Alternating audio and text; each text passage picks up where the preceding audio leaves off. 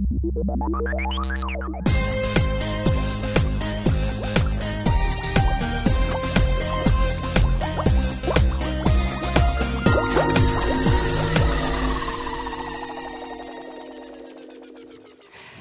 og velkommen til Rosa begerglass. Nå har vi kommet til episode ni. I denne episoden her skal vi snakke om elektrokjemi. Og her finnes det bare muligheter. Vi klarte nesten ikke å begrense oss når vi skulle sette opp lista på temaet vi har lyst til å snakke om i dag. Men det som er litt kjekt i dag, det er at vi har med oss en gjest. Og han skal få lov til å presentere seg sjøl. Hei, jeg heter Stig Tuerne. Kanskje noen av dere kjenner meg fra før av. Bakgrunnen for at jeg er her i dag, det er at jeg har holdt på en del med oppdrett tidligere, akvakultur. Og I den forbindelse så er det noe som er relevant for det kapitlet her.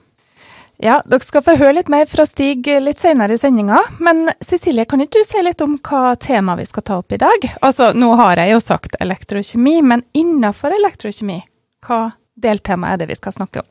Det kan jeg gjøre, Gro. Vi har jo et utrolig spennende tema i dag. Vi, altså Det overordna temaet er jo redox-reaksjoner og elektrokjemi. Og her går jo det utrolig mye snadder, egentlig. Hva egentlig er en redox-reaksjon? Og hva er de to delreaksjonene som bygger opp en redox-reaksjon? Altså reduksjon og oksidasjon. Vet du, Her er jeg veldig sånn kresen på rekkefølga det må komme. i. Det må komme reduksjon først, og så oksidasjon. For det, det blir helt tull i mitt hode hvis det ikke blir akkurat den rekkefølga. For hvis du setter sammen de to halvereaksjonene, da, så får du da redox, som er da årsaken til navnet på denne reaksjonstypen her. Så akkurat der er litt sær. Det må være redox. Men i tillegg så skal vi ha om oksidasjonstall, vi skal snakke sånn helt kort om balansering av redox-reaksjoner. Vi skal se litt på spenningsrekka, eller det du liker å kalle reduksjonspotensialet. Men for all del, ei spenningsrekke kan også ha oksidasjonspotensialet. Altså det finnes uh, to varianter av den der spenningsrekka, men vi skal prøve å klargjøre hva det egentlig er, da. Og så skal vi også snakke litt om standard reaksjonspotensialet og cellepotensialet. Vi skal bevege oss litt inn på korrosjon, og så veit jeg faktisk ikke helt hvor vi ender opp i dag, for det, vi har en lang liste over ting vi syns er artig med det temaet her. Så får vi se hva, hva vi ender opp med. ja, men dere skal i alle fall få veldig mange gode knagger å henge dette stoffet på. Men først så skal vi prøve også å gi dere litt uh, forenkla definisjoner på hva det er. Prøve å forklare rett og slett hva er en oksidasjon, og hva er en reduksjon? Nei, du vet hva, du må levere rette rekkefølga her. Jeg måtte mope deg litt. ja, du tør det. ja, det er så vidt jeg tør, da. Men uh, ja, da kunne vi jo egentlig ha starta med redox-reaksjoner. Har du lyst til å starte med det, Cecilie? Forklar hva en redox-reaksjon er for noen ting. Ja, det vil jeg. Forrige episode så snakka vi om syrebasereaksjoner. Og det handla om reaksjoner der det var overførelse av et H pluss. Men denne gangen, med redox-reaksjoner, så har vi også overføring av noe. Men denne gangen så er det elektroner. Så her er overføring av elektroner. Du har én delreaksjon, for det, det her er altså to delreaksjoner som til sammen utgjør den hele redox-reaksjonen. Så i den ene delreaksjonen, altså reduksjonen, så eh, har vi et stoff som tar opp et elektron og blir redusert.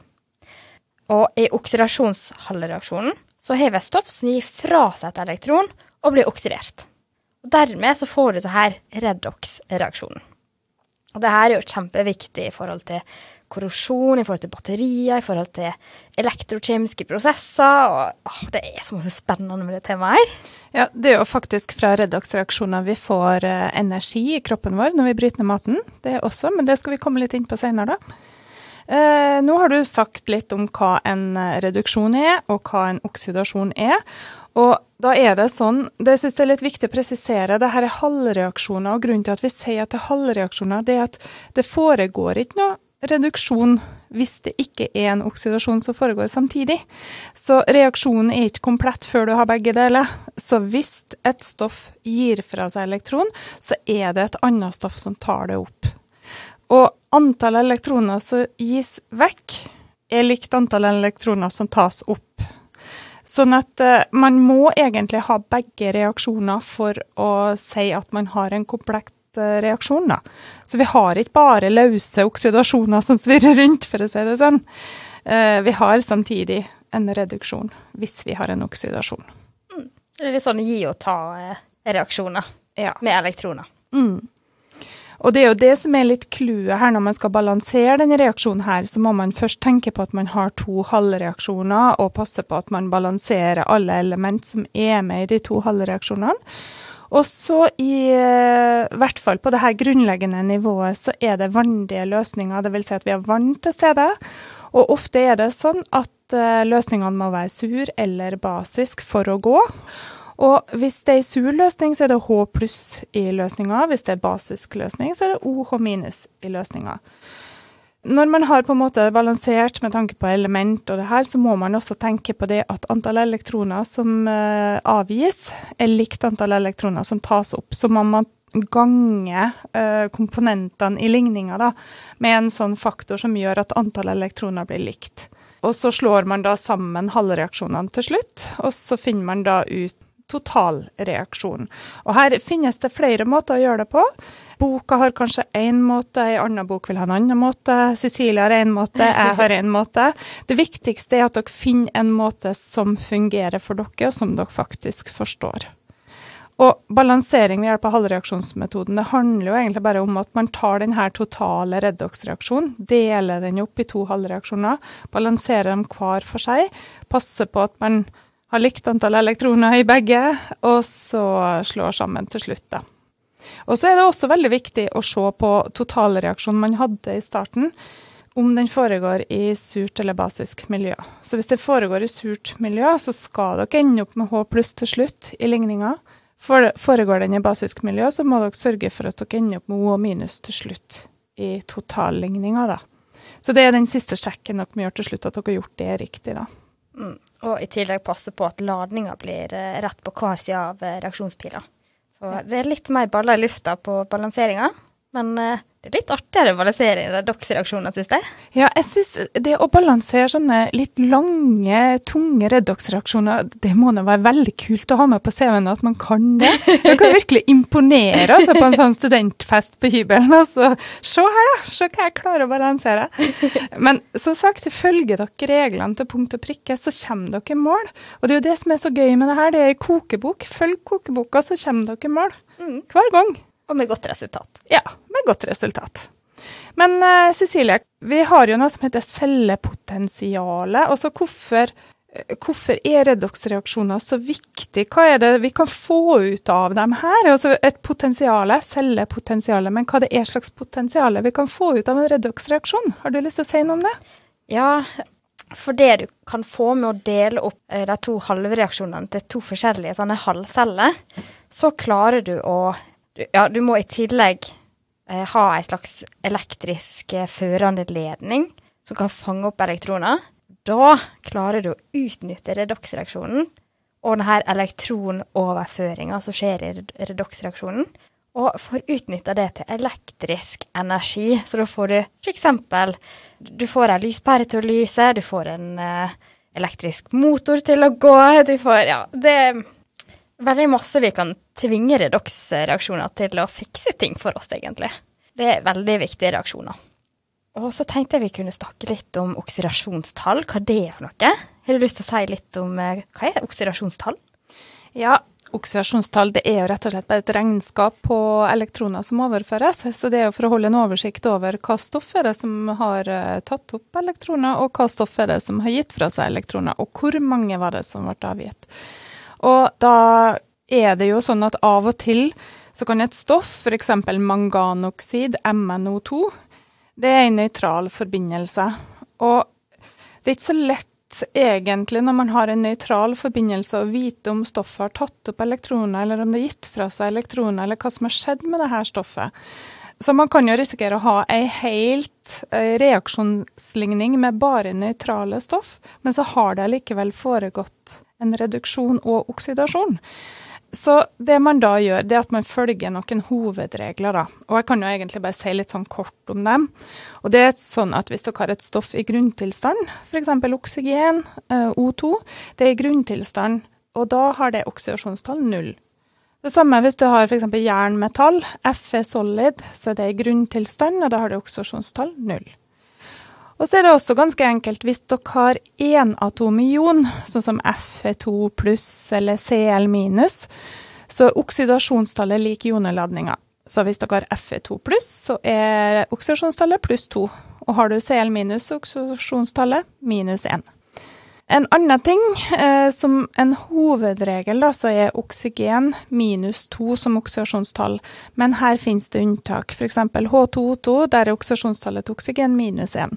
Men hovedregelen er at oksygen har minus 2. I tillegg så har fluor minus 1, det er også en hovedregel. Og så er det sånn at grunnstoff i hovedgruppe 1 de har pluss 1, grunnstoff i hovedgruppe 2 har pluss 2. Og så er det en annen regel som sier det at summen av alle oksidasjonstall skal være lik eh, egentlig ladninga til molekylet eller ionet. Så hvis vi har barium-permanganat, BAMNO4, så er det en nøytral forbindelse. Det betyr at summen av oksidasjonstallet til barium, mangan og oksygen skal totalt bli null. Og det kan vi utnytte, fordi mangan kan ha mange oksidasjonstall. Og da er det jo ikke så godt å vite hva oksidasjonstall den har. Men da bruker vi at oksygen har minus to, og så er det fire av den. Det vil si at da har vi minus åtte totalt.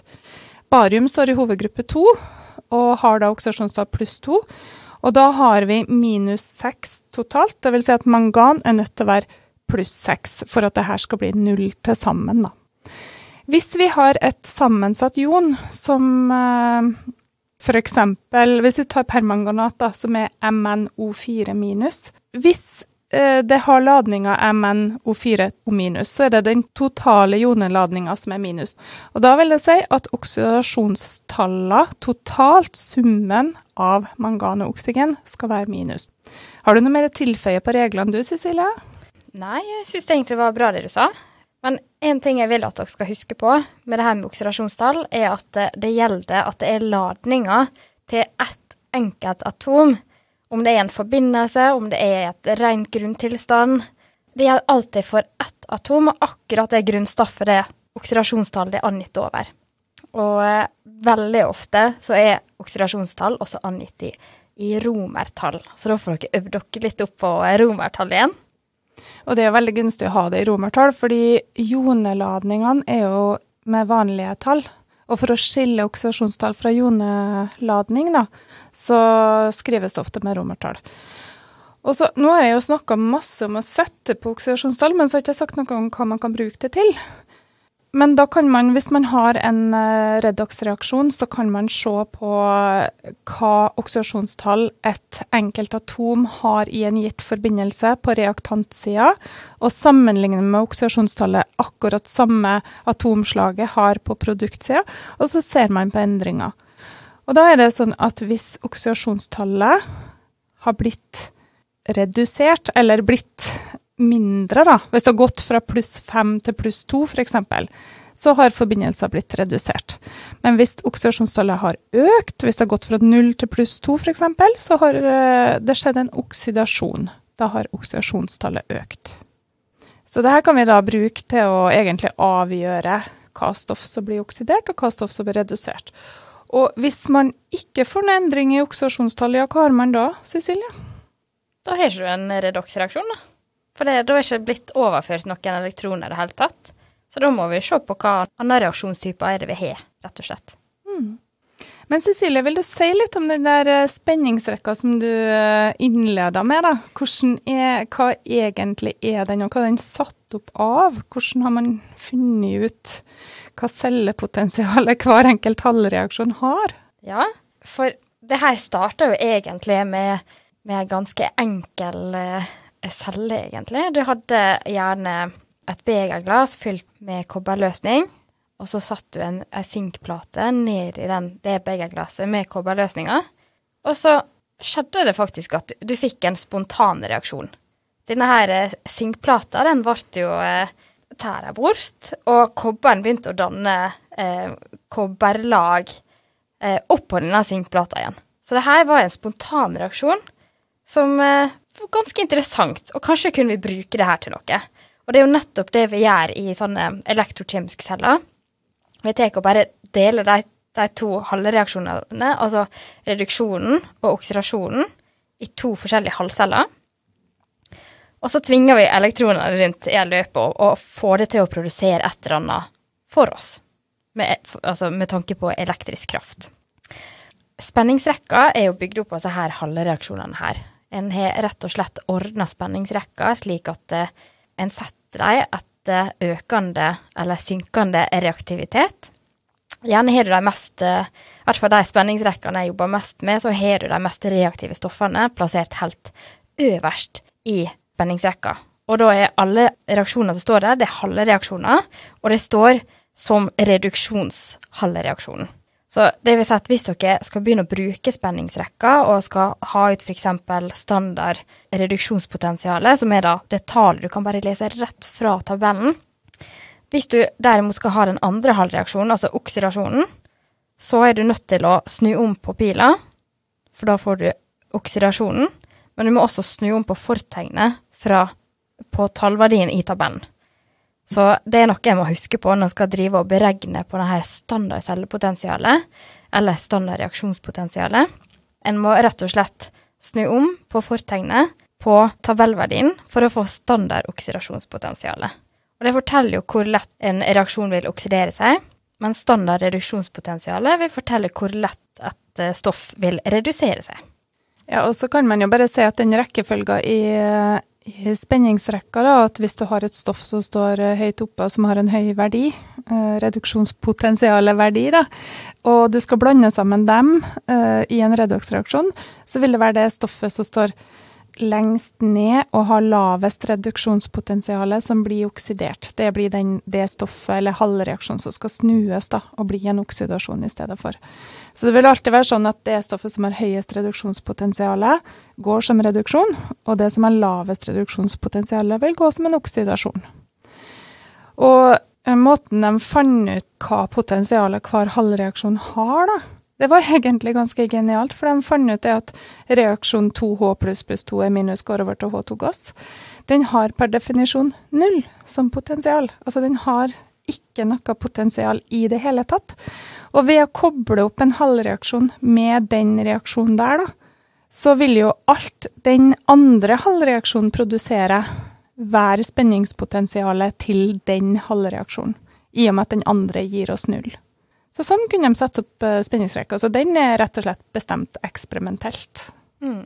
Altså med forsøk, altså. De har sittet med forsøk og målt med et uh, voltmeter hvor mye spenning får vi ut av denne halvreaksjonen her, når den er kobla til det som heter standard hydrogenelektrode. Mm, og det som er så spennende kjemi, så her er måleelektronene som vi bruker i analytisk kjemi. Det er jo veldig masse redoksreaksjoner. Det er jo forflytting av elektroner som gjør at du får uh, får målt i det hele tatt hva som skjer nedi løsninga. Om det f.eks. er mye H pluss til stede i løsninga, og du da kan måle pH-en, eller du vil måle hvor masse du har av kloridioner f.eks. i løsning, og vil bruke ei jonespesifikk elektrode. Så åh, det er så masse spennende redoksreaksjoner der ute. Ja, veldig mange av eh, sensorer som brukes til å måle forskjellige analytter. Det kan jo være f.eks. glukose. En diabetiker er nødt til å måle blodsukkernivået sitt. Det er jo da elektroder som er basert på redaksreaksjoner, og man ser på forandring i potensial. Fordi glukose vil da inngå i en reaksjon hvor man også har enzymer til stede. Så det, det, kalles en biosensor. Man har en kobling mellom et biologisk materiale, en enzym, og en redaksreaksjon, og så klarer man ut fra det å lese nivået, da.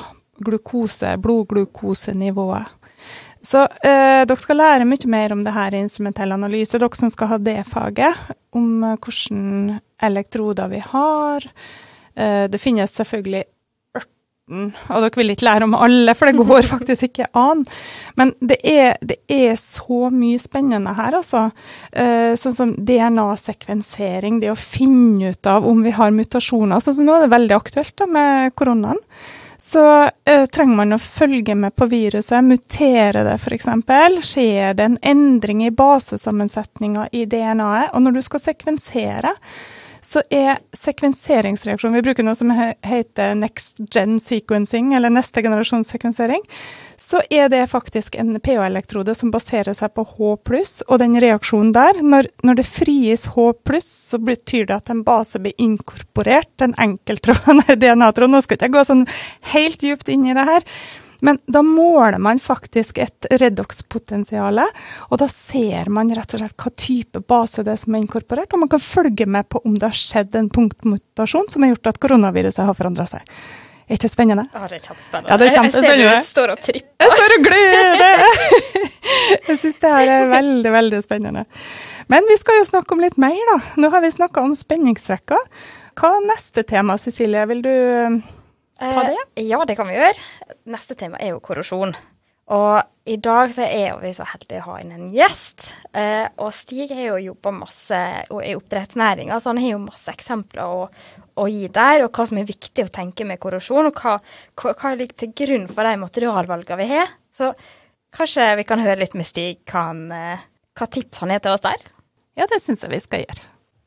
Ja, Stig, da har vi hørt litt om hva elektrokjemi går ut på. Og så kunne vi tenke oss at du fortalte litt om uh, utfordringer, bl.a. i oppdrettsanlegg, da, som er sjøbaserte anlegg, eller kanskje også anlegg på land. Og hvordan det er blitt løst i forhold til det med korrosjon, bl.a., som kanskje er den største utfordringa hvis vi skal snakke om elektrokjemi, da i hvert fall. Ja, der er det utfordringer.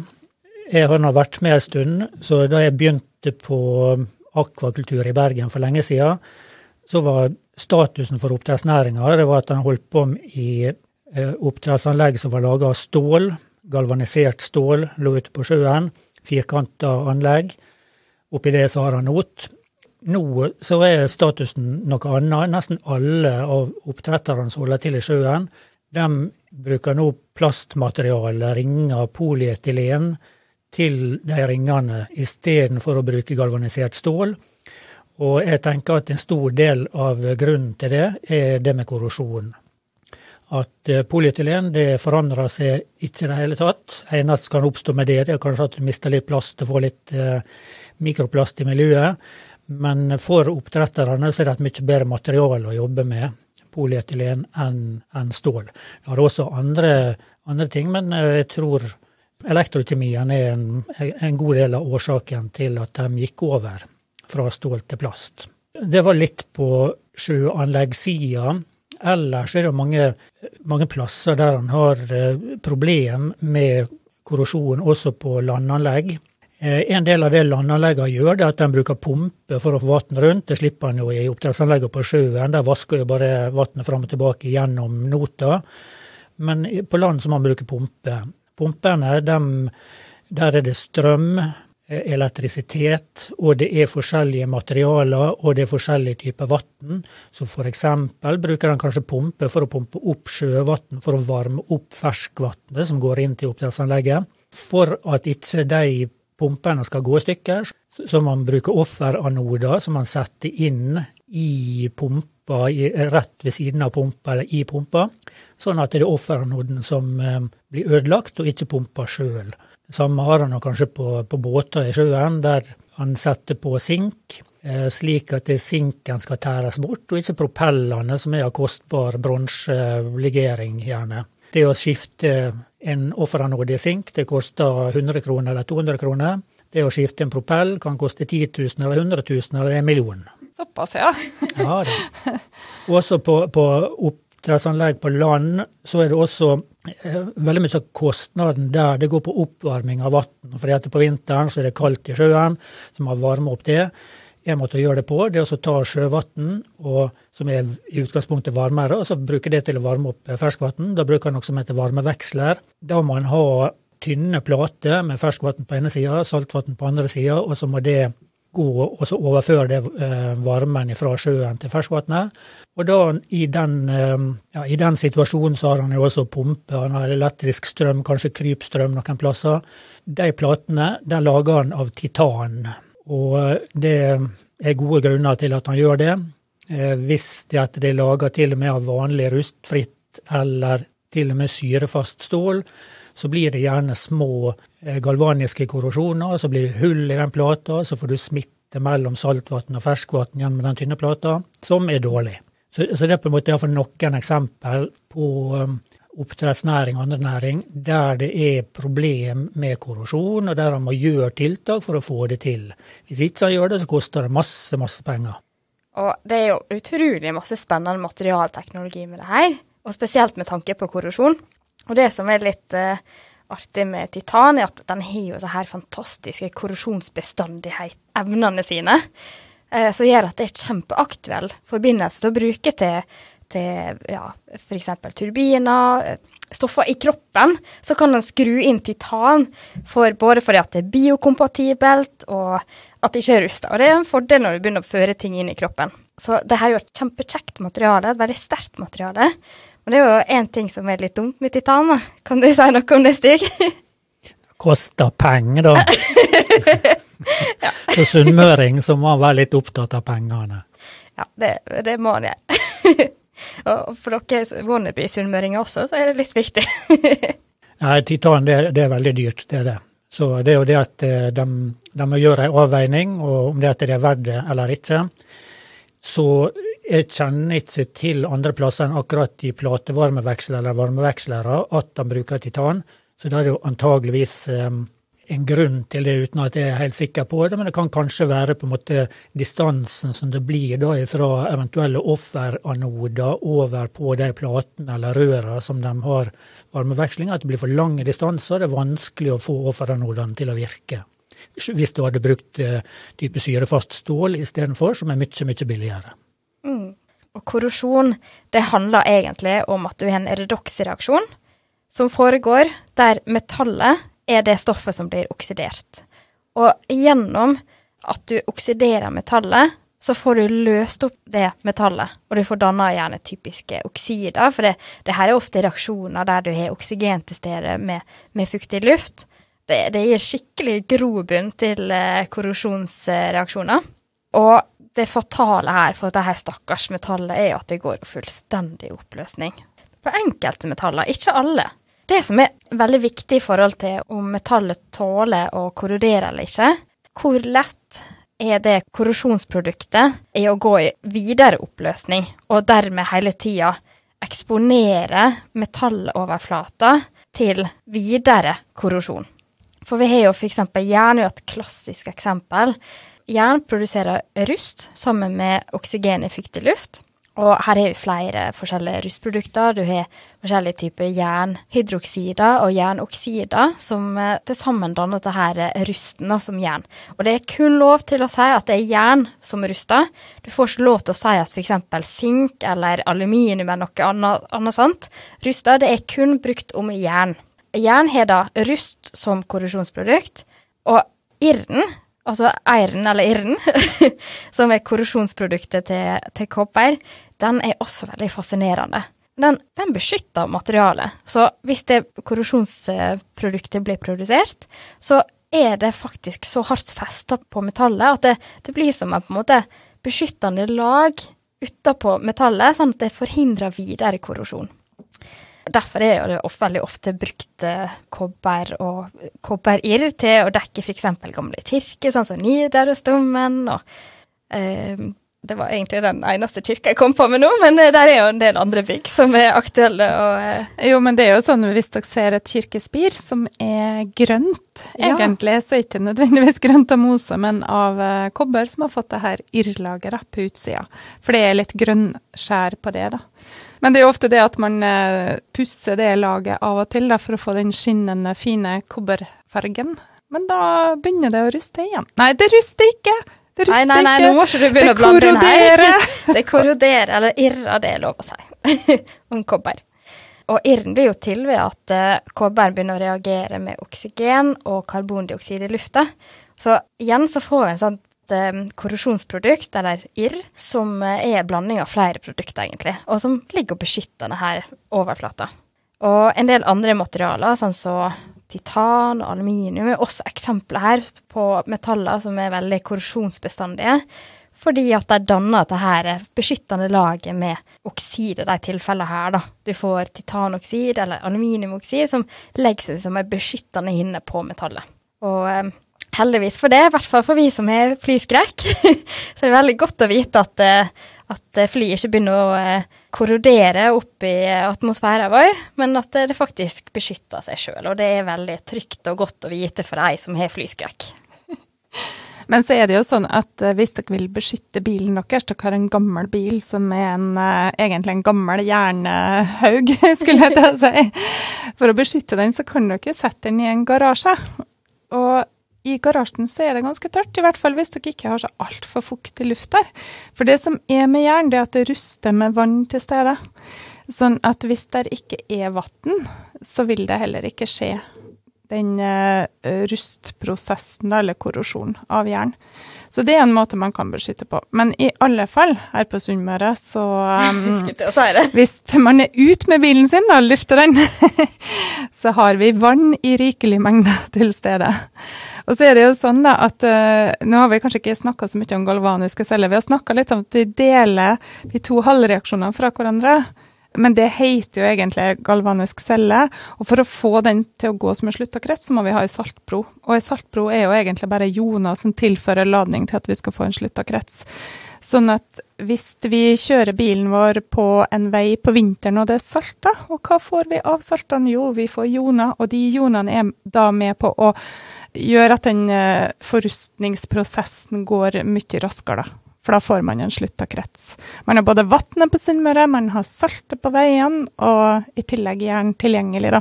Og spesielt hvis man har fått en ripe i lakken. For har man fått en ripe i lakken, så lakken beskytter jo gjerne fra å ruste opp. Men har man fått en tynn, tynn stripe inn, da går rustprosessen gjerne mye raskere også. Fordi at da får vannet en vei inn, jonene får en vei inn, og så starter hele hendelsen. Ja. ja så det, det, gjelder å legge seg litt langt bak når du kjører bak en saltbil, altså. Det bruker vi å gjøre. Sikkert veldig lurt.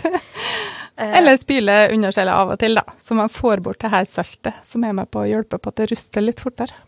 Og det her er jo også veldig viktig å tenke på for eh, de som jobber med subsea-anlegg, altså dvs. Si installasjoner som er på havbunnen. Og Der er, er, det vært veldig stor utvikling de siste åra. For ja, over 15 år siden så begynte en å produsere noe som de kaller slangeroboter. Ikke sikkert hørt om det nye spillet og sånn. Dette var et samarbeid mellom NTNU og Sintef. Og den første slangeroboten, som da skulle fungere som en slags vaktmester nede på havbunnen og hjelpe til å vedlikeholde rør og installasjoner som er nede på havbunnen, i stedet for å sende dykkere ned og sånn, f.eks. Eh, den første slangeroboten Jeg syns den hadde et litt artig navn, så jeg måtte bare si det. Den heter Anna Konda. Ah. Veldig passende. Ja. Men det her er jo vært ei ravende utvikling. Og det har jo videre skilt seg ut ei egen spin-off-bedrift som heter ILUM. oh.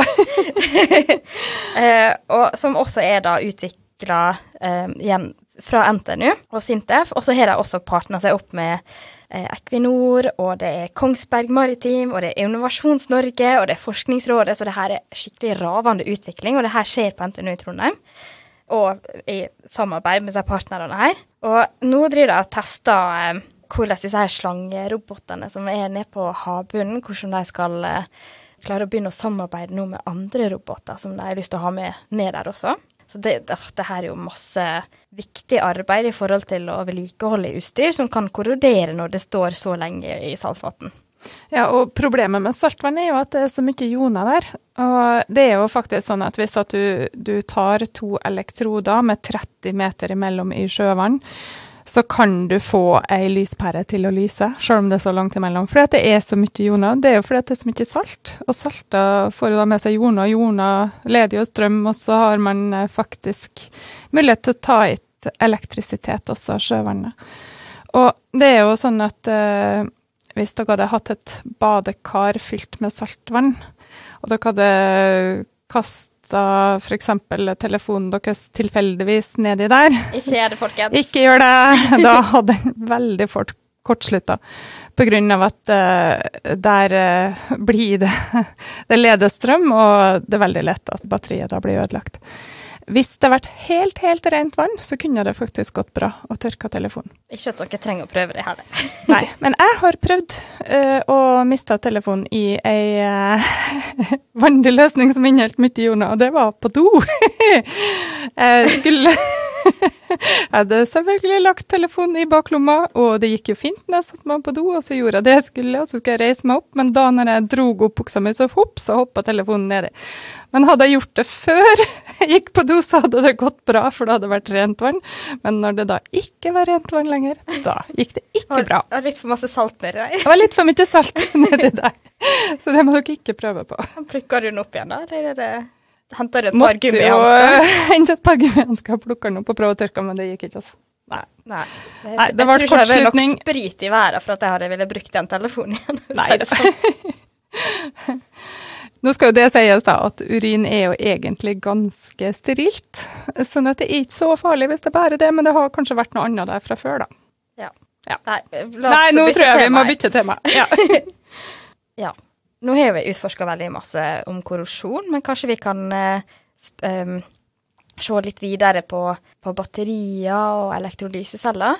Uh, og i Haust så var jo det, det, et prosjekt som gikk på batterier på Forsknings Grand Prix, som var så spennende.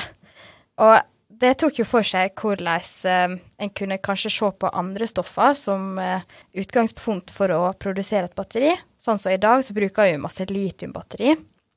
Og de utforska hvordan er det å bruke et annet stoff, som f.eks. magnesium som batteri i stedet for. Og her brukte de superdata, og ja, det her ble jo veldig avansert, så vidt jeg klarte. Jeg hang ikke med i det hele tatt. Men eh, det var veldig spennende. Og her var jo det En ting var å få til reaksjonen, men en annen ting var å få til at ladeprosessen At det ikke tok for lang tid igjen. Så, og det her er jo fortsatt forskning i utvikling, så det har ikke kommet frem til en løsning. Men det her er jo så spennende.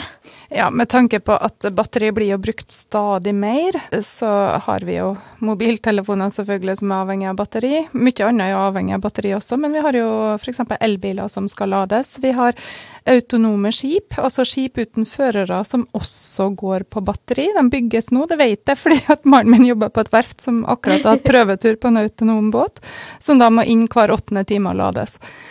Så det å forske på kapasiteten på et batteri er nå én ting. Men en annen ting som gjør at valg av materiale er så viktig, det er jo rett og slett at det ikke må bli for tungt, det her batteriet. Så litium, som du nevnte, Cecilie, det er jo et veldig lett metall. Det ligger høyt opp i periodesystemet. Det er vel grunnstoff nummer tre. Det vil si at det har bare tre protoner og kanskje tre nøytroner. Det er jo litt ettersom hva isotop man har. Så det er et veldig lett materiale sammenligna med et som står langt ned i periodesystemet. Og en ting er jo når vi snakker om ett atom, det er jo veldig lett i seg sjøl, sjøl om det står langt ned i periodesystemet, men når du skal ha mange av det da, i et batteri, så vil det ha veldig mye å si for vekta. Og ingen har lyst til å gå og drasse rundt på en mobiltelefon som veier ti kilo. Det er jo ikke så lang tid tilbake siden de faktisk gjorde det. da. De hadde sånne store bokser på kanskje 30 ganger 30 cm med batteri som var til mobiltelefoner. Men de hadde jo en helt fantastisk kapasitet, da. Du trengte jo ikke å lade på ei uke, vet du. Så det er liksom ikke sånn som mobiltelefoner nå, som må lades hver eneste dag. Men de er jo lettere, da. Det er jo det som er gevinsten, da. At vi har fått lettere mobiltelefoner, men da må vi lade oftere. Og egentlig et batteri, det er jo ei galvanisk celle, det. Det har bare skilt to halvreaksjoner fra hverandre, og så er det en spontan reaksjon som gir ut til spenning, og så får man da utnytta det til eh, elektrisk arbeid, da, får han kalle det. Og f.eks. et bilbatteri. Eh, det er veldig få eh, redox-reaksjoner som gir ut så høyt som 12 volt. Hvis dere ser på spenningsrekka, så vil dere se det at det er ingen som gir ut så mye. Men det man har gjort der, i blyakkumulatoren som man kaller det, det er at man har funnet ei galvanisk celle som gir ut 2 volt, og så har man seriekobla seks sånne galvaniske celler, sånn at det gir ut 12 volt. Det er batteriet, da. Eh, ja, og så har vi jo selvsagt et problem at når vi har snakka en stund, f.eks. i mobiltelefon, eller vi har kjørt bilen eh, langt nok, så virker ikke batteriet lenger. Altså det utlader. Og det vi gjør da, sånn helt instinktivt, det er å gå og plugge i en kontakt en eller annen plass for å få strøm og få lada opp batteriet igjen. Det som egentlig skjer da, det er rett og slett at vi påtrykker en spenning som er større enn den cellepotensialet vi drar ut av batteriet. Så eksempel hvis vi har det her eh, bilbatteriet, så 12 volt, så må vi påtrykke en spenning som er større enn 12 volt. Da får vi pressa redoksreaksjonen til å gå motsatt vei. Så det som er reduksjon, blir da oksidasjon, og det som var oksidasjon, det blir reduksjon. Og da pusher vi, sånn, sånn som vi snakka om eh, korrosjon i stad, at jern, fast jern, går over til f.eks. Fe2 pluss. Da kunne vi ha fått uh, redusert det, sånn at Fe2 pluss har tatt opp elektroner og gått over til fast jern igjen. Så vi får regenerert metallet. Det er helt genialt. Ja, veldig genialt. Ja. Men det er jo ikke alle batterier som kan lades. Nei. Og eh, det kan bli ganske, ganske harde konsekvenser hvis du prøver å lade et batteri som ikke skal lades. Der du rett og slett du klarer ikke å reversere reaksjonen. Og istedenfor får all den energien som du putter inn i systemet, omgjort til varme, som igjen kan videre bli omgjort til flamme. ja. Så jeg anbefaler ikke. Nei. Men det er jo ofte sånn da at hvis eh, du ikke får regenerert f.eks. det metallet uh, som har blitt oksidert i utgangspunktet da, i den uh, battericellereaksjonen, uh, så er det jo rett fordi at det metallet, eller hva det nå er, har gått i oppløsning, og man får på en måte ikke samla det sammen igjen til fast metall. Og da er det ikke oppladbart. Så da får man ikke snudd den reaksjonen uansett. Men elektrolyse, som vi kaller denne reaksjonen, det å sette på en spenning som er større enn cellespenninga, det brukes jo til mye rart, da. Det brukes jo bl.a. til galvanisering. Vil du si litt om det, Cecilie? Ja, galvanisering, da påfører du altså spenning på systemet og tvinger reaksjonen til å gå motsatt vei. Altså den reaksjonen som da ikke er spontant vil gå, men som er en, en god dytt, vil gå den veien vi vil. Og galvanisering er jo noe som en uh, brukte om veldig mye før, men i dag så er det brukt utelukkende om å påføre et ekstra lag med sink utapå et stoff.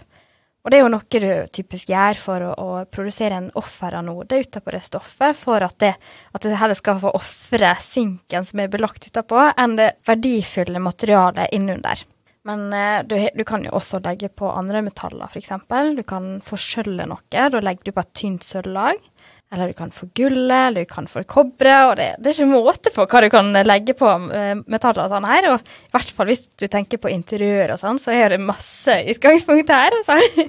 Ja, og hvis at dere en gang i framtida reiser til eh, det store utland, og så finner dere gullsmykker til 20 kroner på stranda, så er det ikke så veldig sannsynlig at det består av rent gull.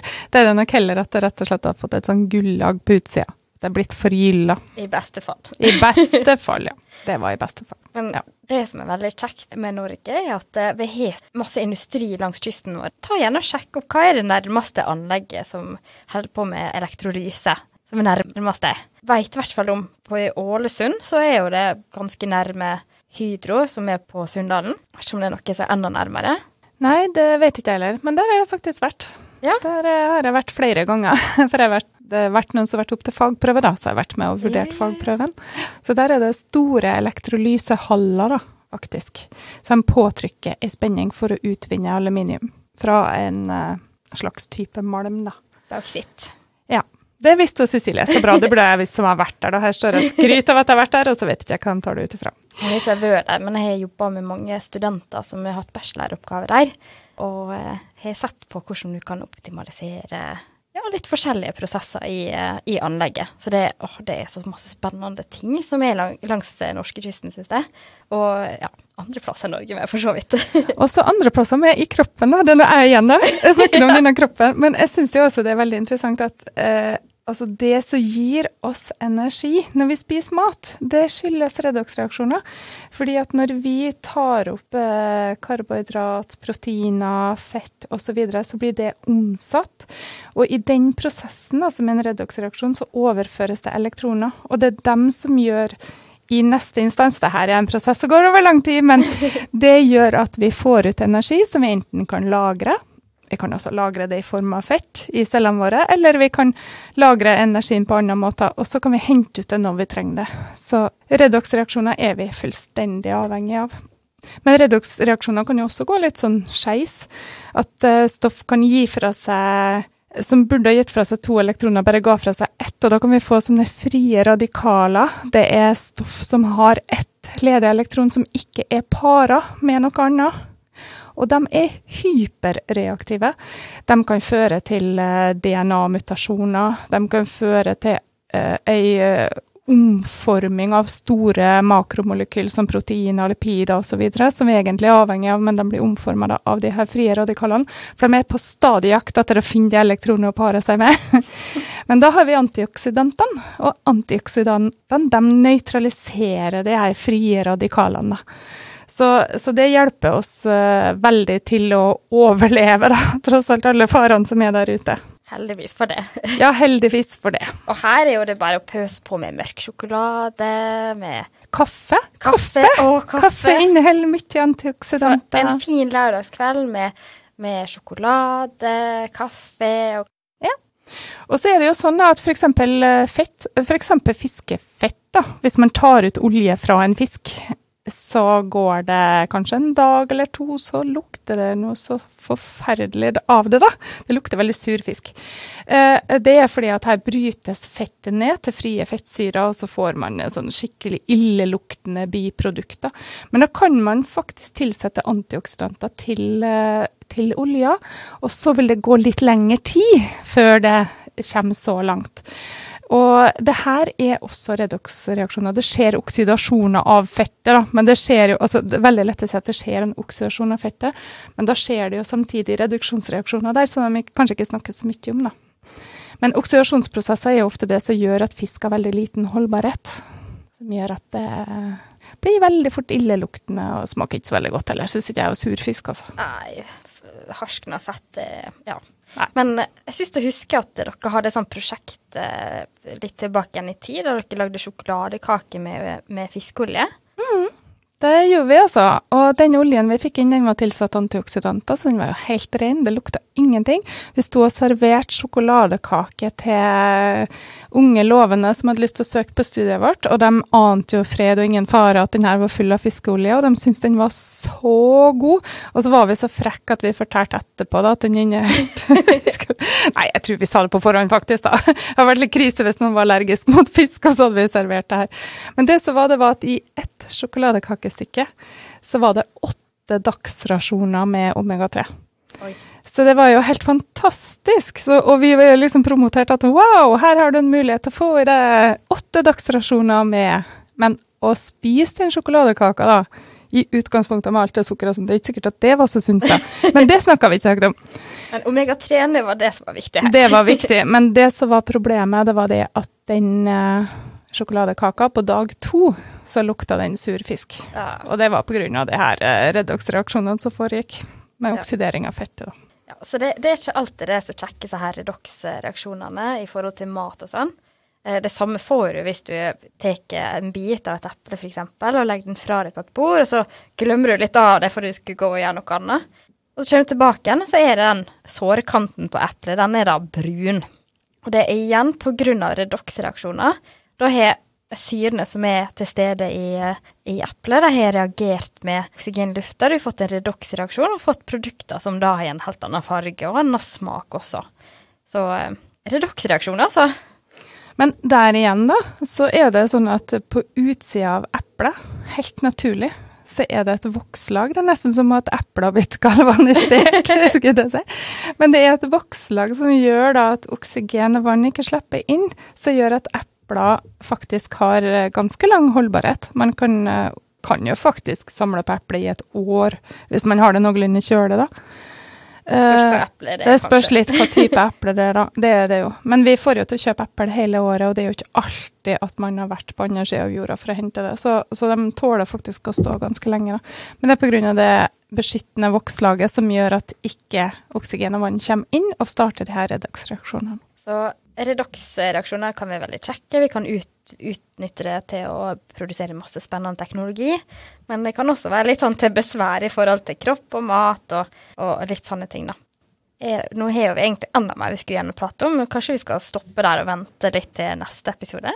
Jeg tror det også, fordi eh, jeg kunne sikkert ha snakka resten av dagen jeg, Ja. om det temaet her. Fordi det er utrolig spennende tema i forhold til at det er så mye det omfatter, da.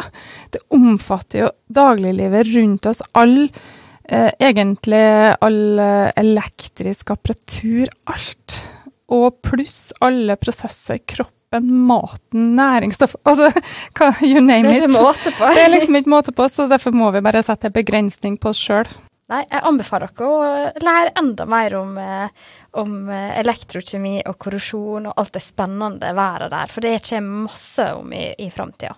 Så det kapitlet her er jo kjempeviktig for alle materialvalgene vi gjør, eh, de forskjellige tekniske enhetene vi har, og ja, egentlig hele samfunnet er, er utrolig avhengig av dette kapitlet her. Så det er kjemperelevant for dere. Følg med. Følg med. Men takk for at du lytta på oss. Takk for at dere hørte på. Ha det bra. Ha det.